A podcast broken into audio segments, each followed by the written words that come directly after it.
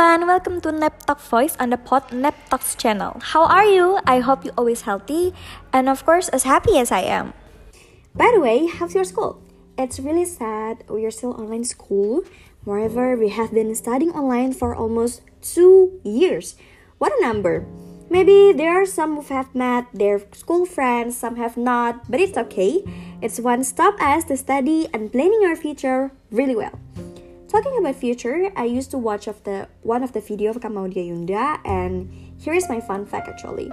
My role model in education is Kak Maudy and the video is about motivation and she answered from the question she has. She said that if you have a dream that you think to hide, she said from her perspective that you can lay out of a plan. So, for example, I have that big and ambiguous dreams. I break it down into the small dreams that I think I can reach it one by one.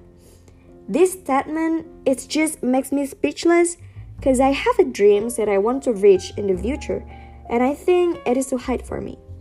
And what that she said is make me realize and encourage me to go further and not afraid of the big dream. So, because that, we need and I need to plan in the future because I think planning the future is very important. Maybe some of people said, ah, it's okay, God has planned it. And maybe some of people said, God has planned it. But we make it come true. I used to heard a lot of statements like this, and I realized that it is true. With the second statement, that we should make it come true about what God has planned to our own future and even the struggle is real. But when we in the last stop, we all realize, wow, I made it. Blood, tears, the mindset that we used is really helpful. Well, I have an illustration right here. It's about a beautiful achievement, but with a struggle. So, it's about a person that wanna go to the beach. You know, with the sun that makes the vibes of the beach, who doesn't like it?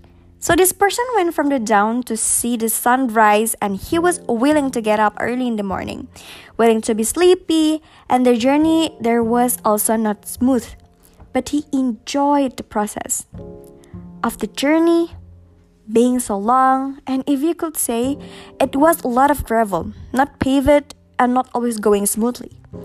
But when he arrived at the beach, he was very grateful for the struggles that he went through as he came from the starting place to the beach.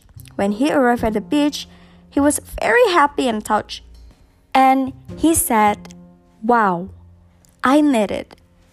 From this illustration, we can see that a struggle that is sincerely carried out will produce good results of the future.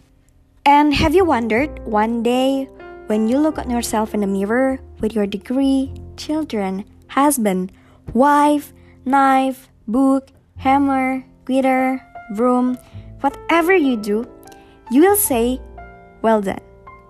I did it for what I planned in the past.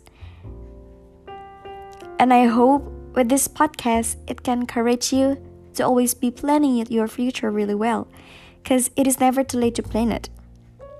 I'm so sorry if I have a mistake from my pronouns, my words. I'm so sorry. Hoping you're always healthy and be the best.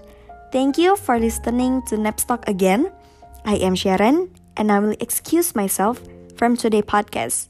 See you next Nep Talk Voice International. Bye bye.